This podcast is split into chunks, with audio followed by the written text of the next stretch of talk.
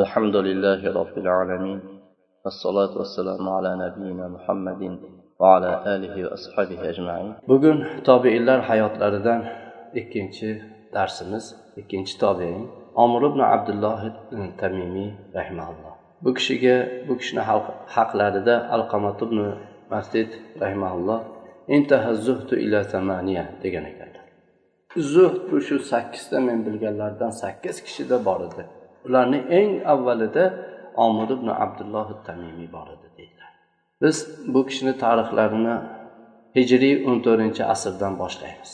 Ya'ni o'n to'rtinchi hijratni o'n to'rtinchi yilda sahobalardan juda ko'plari hali bor rasululloh sollallohu alayhi vasallamni vafotlaridan to'rt yildan keyin shu yillarda. Shunda bu ulug' sahobiylar juda katta kibor tobein deyiladi ulug' ulug' tobiinlar borki ular nihoyatda haqiqatdan bu haq yo'lni quradigan haq haq yo'lni ko'rsatadigan hidoyatchi bo'lgan zotlar e, xalifa umar ibn xattob roziyallohu anhuni buyruqlari bilan basra shaharini chegaralarini ajratib shu yangi qurilgan bu butun islomni ilm markazi bo'lgan basra shaharini chegaralarini ularni loyihalarini e, chizishlik bilan mashg'ul vaqt edi. Ular bu yangi shaharda musulmonlarni fors shaharlariga g'azotga jangga boradigan askarlarini ta'limgohi muaskari bo'lishligini ular shu shaharda bo'lishlikka qasd qildilar. Bu endi yana olloh azza va jallaga bo'lgan da'vatni bir asosiy asosi bir markazi bo'lishlikni qasd qildilar. Yerda olloh kalmasini oliy qiladigan bir minor markaz bo'lishlikni qasd qildi shunda musulmonlar jamoasi bu yosh yangi bir shaharga har tarafdan arab jazirasini bu arab yarim orolini har tarafidan basraga kelishar edi yangi bir islomni markaziga kelishar edi ilm markazi bo'lgan joyga. Shunda najddan hijozdan yamandan bu musulmonlarni eng asosiy dushmanlari bu fors tarafidagi chegaralarda rabotda turishlik shu chegarada bo'lishlikni maqsadida ular olloh yo'lida kelardilar. Bu muhojirlarni ichida najddan bani tamim qabilasidan bir yigit bor edi. U kishini omir ibn abdulloh tamimiy anbariy deyilar edi omir ibn abdulloh bu kunda nihoyatda yosh to'la nihoyatda bir navqiron yigit edilar. Yuzlari nurlik nihoyatda zakovatlik zakiy nafslari pok qalblari taqvolik shunday bir yigit edilar. Basra hali yangi bo'lishligiga qaramasdan musulmon shaharlarini musulmonlar shaharlarini eng boyi edi. Sarvati oyligi nihoyatda katta edi basrada. Bu yerda butun jang bir bir tarafdan chegara jangga chiqiladigan joy butun g'animatlar shu yerga oqib keladigan joy bo'lganligidan juda bu iqtisod tarafdan nihoyatda boy shaharlardan edi. U yerga shu asl toza tillolar kelar edi lekin bani tamim qabilasidan kelgan omir ibn abdulloh rahimaullohni bunda hech qanday hojatlari yo'q. Boyligu bu oltin kumushu bu yerda ketayotgan bu tijorat bunga hech bir u kishini aloqasi yo'qdi u kishini ehtiyoji boshqa edi. Bu odamlarni qo'llaridagi narsadan tamoman zohid edilar faqat olloh huzuridagiga juda qattiq rag'batli kishi edilar. Dunyodan dunyo ziynatidan tamoman yuz o'girgan ollohga ollohni roziligiga intilgan kishi edilar. Endi bu yerda basraning haqiqiy kishilaridan oldin eng peshqadami eng ulug'i bu kunda ulug' sahobiy abu muso ashariy roziyallohu anhu edilar. Bu kishi mana shunday gurkiragan yosh shaharni voliysi edilar va shu shahardan har tarafga yo'l olayotgan musulmon askarlarini qo'mondoni boshlig'i edilar. Va bu shahar ahlini imomi va ularga rasululloh sollallohu alayhi vasallamni sahobiylarni odatlari eng birinchi o'rinda ularni muallimi bo'lardilar. Hadis rivoyatida qur'onni tafsir qilib berishlikda ularga tushuntirishda bu dinda faqih qilishlikda butun basra ahlini muallimi bu ulug' sahobiy roziyallohu anhu edilar. Shunga bu yangi muhojir kelgan omir ibn abdulloh abu muso ashariy roziyallohu anhuni shaharda turganlarida ham jang vaqtida ham safarga chiqsalar ham iqomatda tursalar ham doim abu muso ashariyni lozim tutdilar. Doim yonlarida edilar. Abu muso ashariydan alloh taoloni kitobini xuddi muhammad sallallohu alayhi vasallamni qalblariga nozil bo'lgandek yangi holatda abu muso ashariydan o'rganib olardi. Abu muso ashariydan rasululloh sollallohu alayhi vasallamni sahih hadislarini shunday. Rasululloh sollallohu alayhi vasallamga hech uzilsiz bu abu muso ashariy rivoyat qilgan muttasil san'at bilan sahih hadislarini rivoyat qiladilar.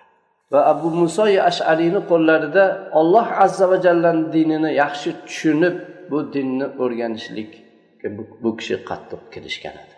U kishini o'zi ilmdan xohlagan narsasi bu kishi kamol topgan vaqtda u kishi o'zini hayotini uch qism qilib qo'ydi. Bir qismi zikr halqalar da'vatlar.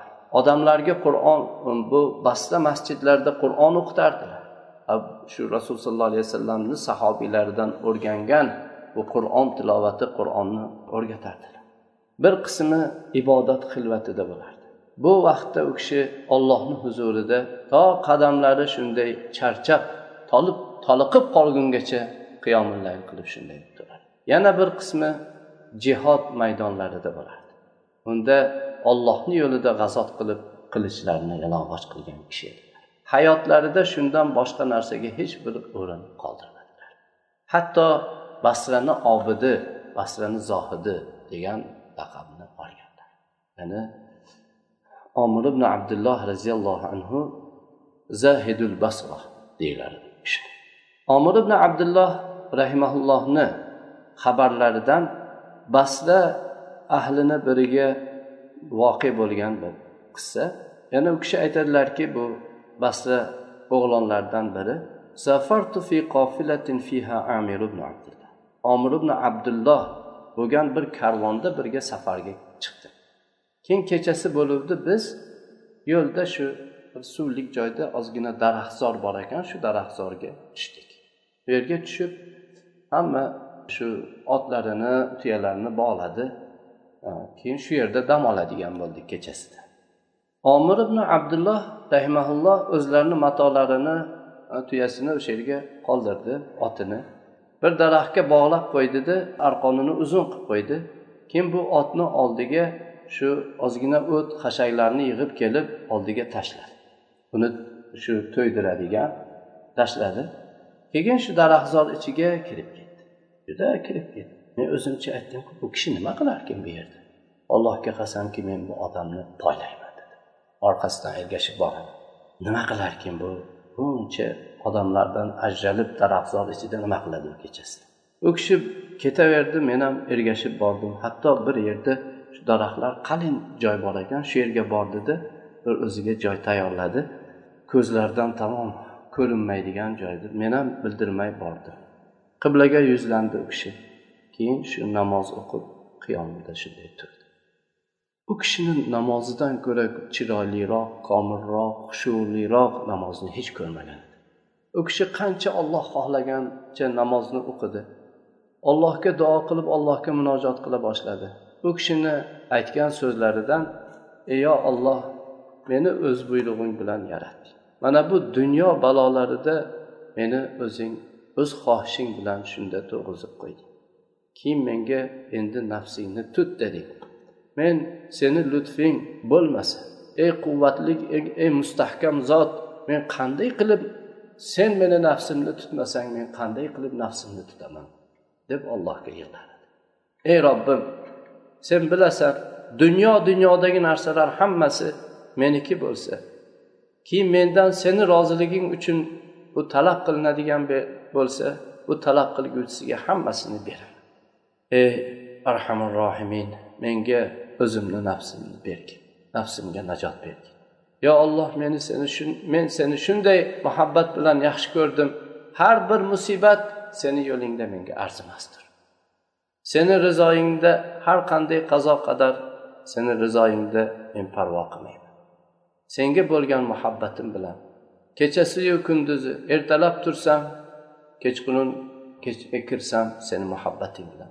Keyin bu haligi qissani rivoyat qilayotgan basralik kishi aytadiki keyin menga uyqu g'alaba qildi men uxlab qoldim. Ba'zan uyg'onib qarasam omir shunday o'rnida shunday tik turib allohga iltijo qilib shu yig'lab turgan yana namozini davom ettirib shu duosida keyin bir uyg'ondim tong otib qolibdi deydi. Endi u kishiga tong otgani aniq bo'lganda keyin farz namozlarni o'qidilarda keyin yana yig'lab allohga yig'lab yo olloh mana tong otdi odamlar hammalari bu yoqqa bu yoqqa ketadilar. Sendan seni fazlingni ular istaydilar. Har bir insonni bir hojati bor. Omirni sendagi hojati uni gunohlarini mag'firat qilishliging. Yo olloh meni hojatimni bu odamlarni hojatlarini bajargin ya akramal akramin deb duo qiladi yo olloh men sendan uchta narsani so'radim. Ikkitasini berding bittasini man qilding. Yo olloh bunisini ham bergin men o'zim yaxshi ko'rib o'zim iroda qilgandek sen senga banda bo'lay ibodat qilay deb iltijo keyin duolari ham tugadi o'rinlaridan turdilarda meni ko'rib qoldi keyin meni bu kecha shu yerda turganimni sezdida bundan juda u kishi jazo qildi achchig'i chiqdi. Shunday xafa bo'lib menga shu kechasi bilan ey basralik birodar meni kuzatdingmi? dedi. Ha dedi. Bo'lmasa olloh seni bekitsin mendan ko'rganingni hech kimga aytma bekit deb iltimos aytdimki yo siz shu robbingizdan so'ragan uchta narsani menga aytasiz. Nimalarni so'ragansiz nimani berdi nimani olloh bermadi shuni aytasiz. Bo'lmasa odamlarga ko'rganimni chiqib hammasini aytaman e holingga voy bunday qilma dedi. Men shu shu aytganimni qilaman deb turib oldi shunda meni bunday isror bilan turganimni ko'rar ekan ollohga ahd bersang buni hech kimga xabar bermayman deb so'z bersang gapirib beraman mayli shunda aytdimki siz modomiki tirik ekansiz buni hech kimga fosh qilmaslikni shu ollohga ahd beraman so'z beraman dedi shunda aytdiki men dinimda o'zimga ayollardan ko'ra menga xatarliroq xavfliroq narsa yo'q edi. Robbimdan ularni qalbimdan muhabbatini olib qo'yishlikni so'radim.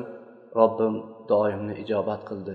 Endi ayolni ko'ramanmi devorni ko'ramanmi menga ahamiyat yo'q. Olloh buni mendan oldi alhamdulillah. Bu bitta ikkinchisichi dedim. Ikkinchisi men robbimdan ollohdan boshqa hech kimdan qo'rqmaslikni so'radim. Olloh bu duoyimni ijobat qildi. Endi ollohga qasamki men yer yuzidagi na yerdagi na osmondagi hech narsadan qo'rqmayman. Faqat ollohdan qo'rqaman. Uchinchisi nimada? Men robbimdan kechasiyu kunduzi o'zim xohlab o'zim yaxshi ko'rganimdek ollohga ibodat qilishlik uchun yo olloh uyquni butunlay mendan ol desam buni ijobat qiladi. Bu uchinchisi. U kishidan bu so'zlarni eshitganimda aytdimki voy o'zingga rahming kelsin. Sen butun kechasida namoz o'qib chiqding ibodat qilib chiqding. Kunduzini doim ro'za tutasan. Jannat bilan inshaalloh bu sen qilgandan ko'ra ozrog'i bilan ham yetsa bo'ladi jannatga. Allohni karami keng fazli keng dedi. Sen bu mashaqqat chekayotgandan ko'ra ozrog'i bilan jahannamdan saqlansa bo'ladi dedi. Shunda u kishi aytdiki men bu qilmasdan keyin pushaymon foyda bermaydigan kun kelganda pushaymon bo'lib qolishdan qo'rqaman allohga qasamki men bu ibodatda shunday g'ayrat qilishlikka o'zimda bir yo'l imkon bo'lsa men shunday g'ayrat qilishda davom etaman. Agar najot topsam bu ollohni rahmati bilan bo'ladi.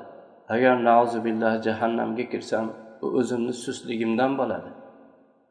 Amal qilmaganimdan bo'ladi lekin omir ibn abdulloh u kechasida faqat tarki dunyo qilgan rohiblardan emasdi.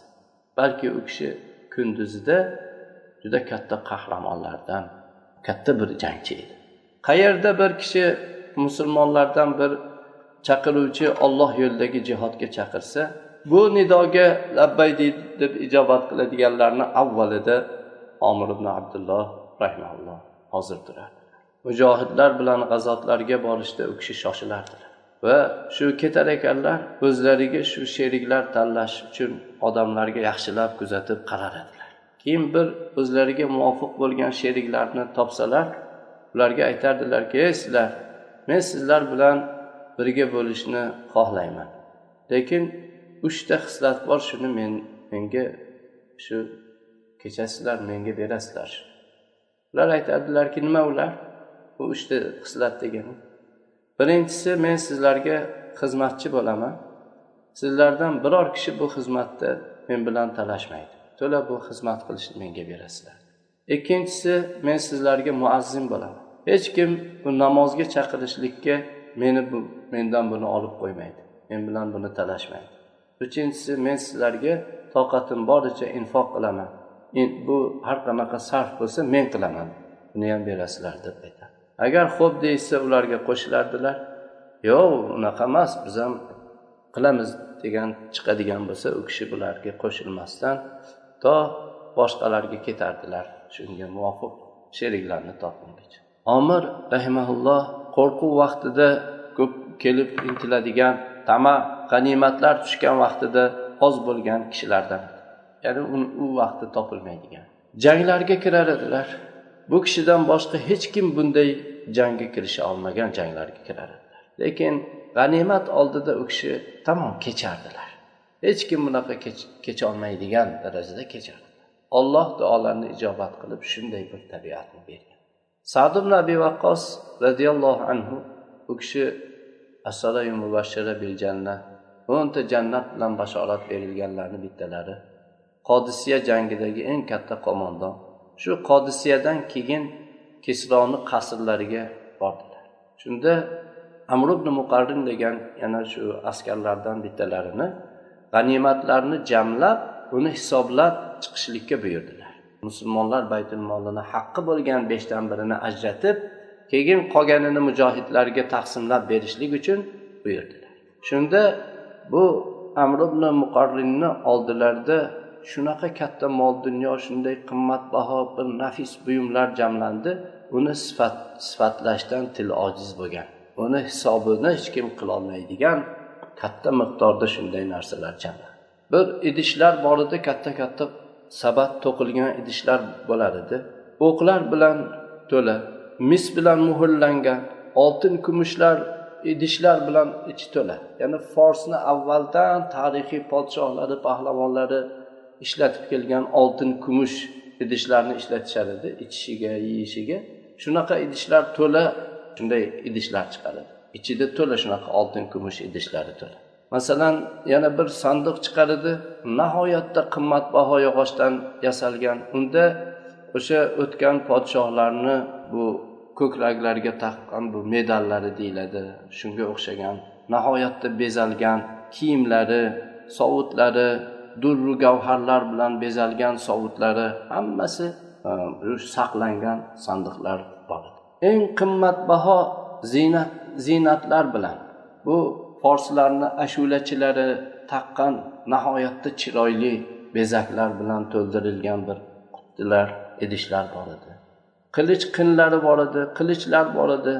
Bu podshoni qilichi falon podshoni qilichi falon bahodirni pahlavonni qilichi degan shu qilichlar chiqar edi.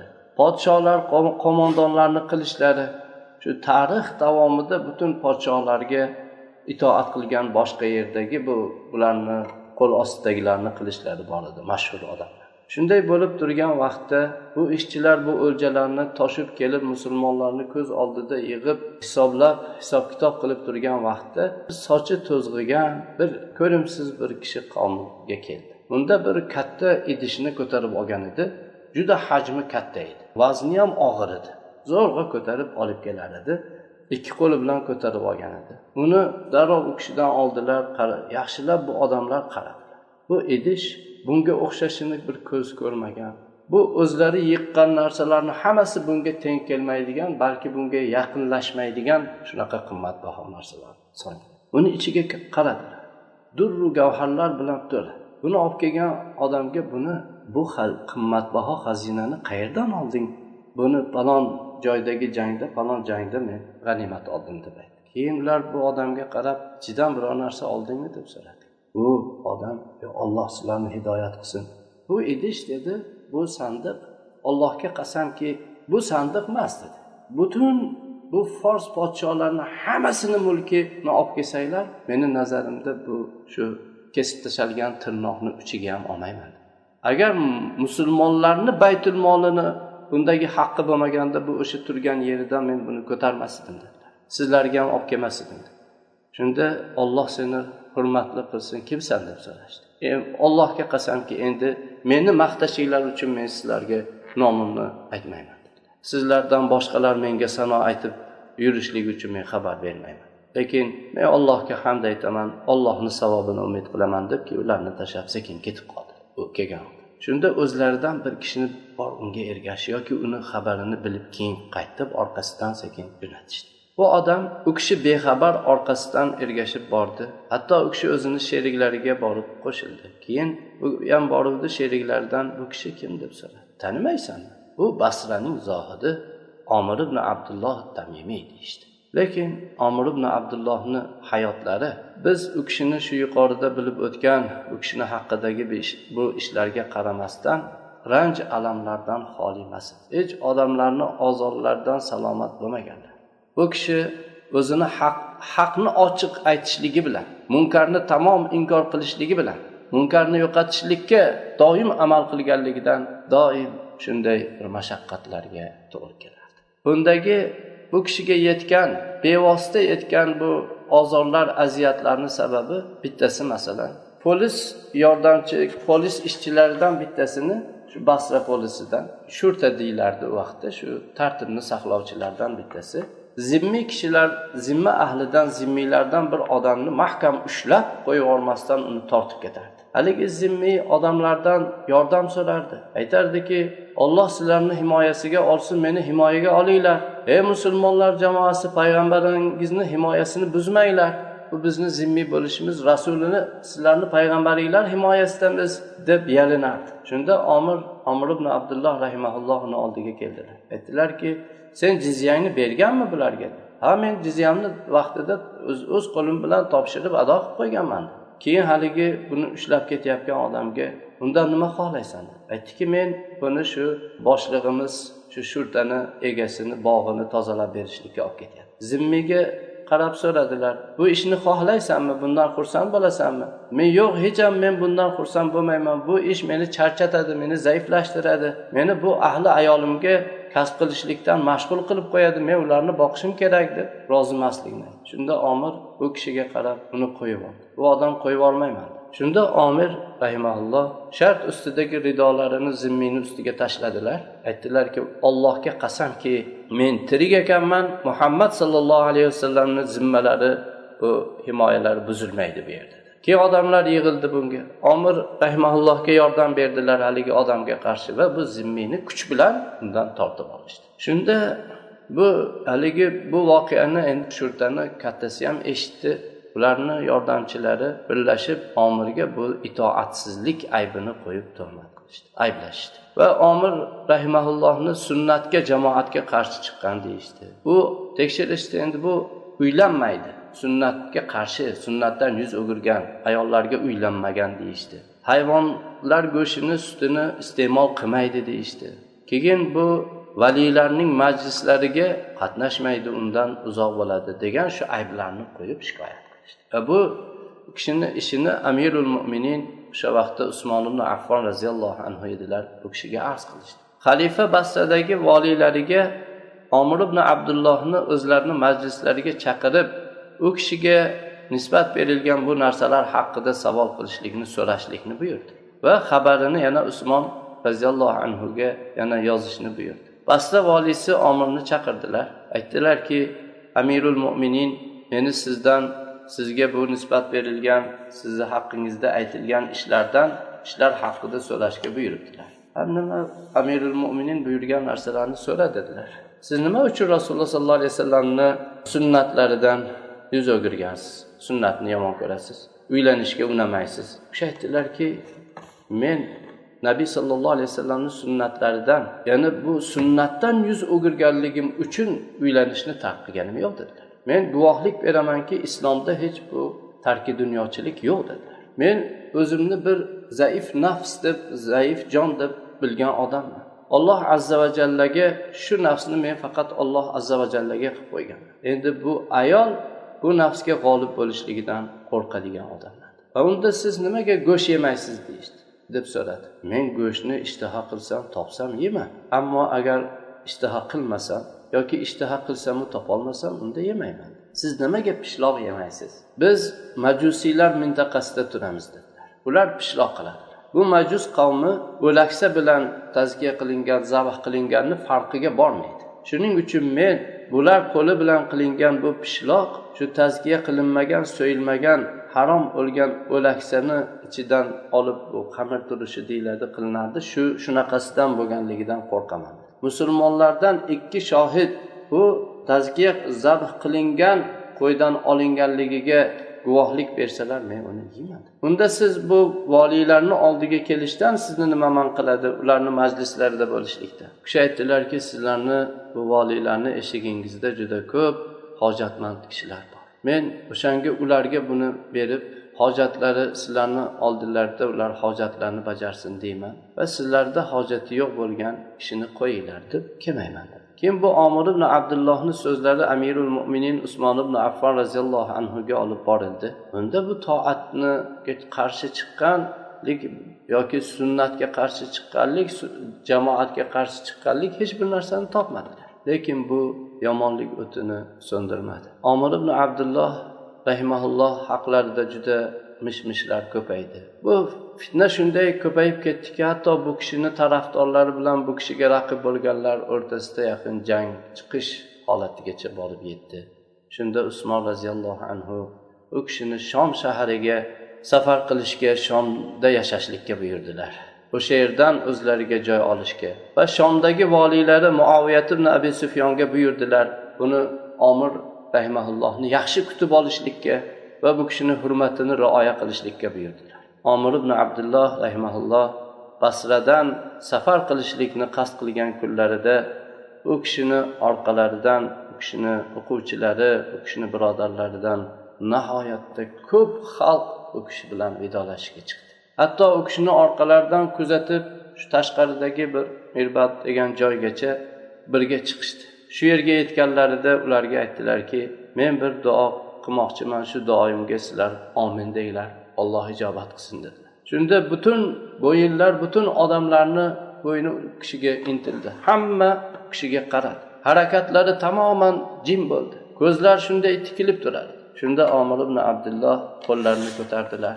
Aytdilarki yo olloh meni bu chaquv qilgan menga bunday yolg'on gapirgan kishilar meni bu shaharimdan chiqib ketishlikka sabab bo'lgan odamlar men bilan bu do'stlarimni o'rtamizni ajratishlikka sabab bo'lgan odamlar yo olloh men ularni hammalarini kechirdim sen ham kechirdi. Va uni dinida dunyosida ofiyat berdilar va meni va uni va boshqa musulmonlarni o'zini o'zingni rahmating afving ehsoning bilan bo'lagin ya arhamar rohimin deb duo qildilar. Keyin tuyalariga minib shom shahariga qarab ketdilar safarga chiqib ketdilar. Omir ibn abdulloh hayotlarini qolganini shom shaharlarida o'tkazdi. Baytul mahdisni o'zlariga ixtiyor qildilar. Shomning amiri muoviyat ibn abi sufyondan u kishini yaxshiligi bu omir rahimaullohni hurmat qilishligi bu u kishi loyiq bo'lgan o'ringa qo'yishligidan juda katta bir yaxshilikka ezgulikka u kishi yetib yashadi. Umrlarini oxirida shu o'lim to'shagida yotganlarida u kishini sheriklari kirdilar. Kirsa u kishi yig'lab yotadi. Siz nimaga yig'laysiz? dedilar. Siz bundaysiz bundaysiz. Falon g'azotlarda qatnashgan bu kishini yaxshiliklarini zuhdlarini hammasini bayon qildilar. Nimaga yig'laysiz? Shunda aytdilarki men dunyoga haris bo'lganimdan yig'lamayman. O'limdan qo'rqib jazo qilayotganimdan yig'lamayman dedi balki men bu safarni uzoqligigayu safarga qilgan oziqamni ozligidan yig'layman. Dedi men qancha baland pastlarda yurdim yo endi bu safar jannatga bo'ladi yo jahannamga bo'ladi men qaysinisida bo'laman buni bilmayman dedilar. Keyin shu shahodatni aytib ollohni zikri bilan u kishini jonlari chiqdi. Tillari ollohni zikri bilan ho'l bo'lib shu jon berdilar.